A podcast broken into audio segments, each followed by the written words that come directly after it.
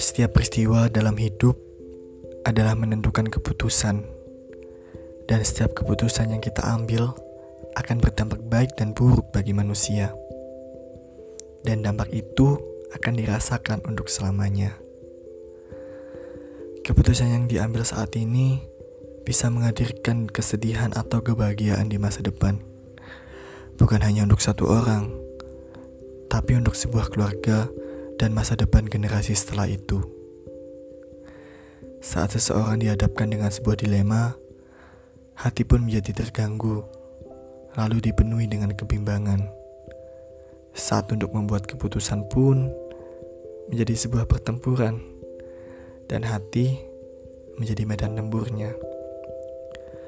Kita banyak sekali mengambil keputusan, bukan untuk mencari solusi, tapi hanya untuk menenangkan hati seseorang. Lantas, adakah yang bisa makan sambil berlari? Tentu tidak.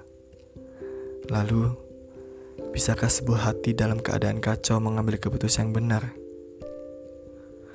Pada kenyataannya, saat seseorang mengambil keputusan, dengan pikiran yang tenang, dia pasti akan mendapatkan masa depan yang baik.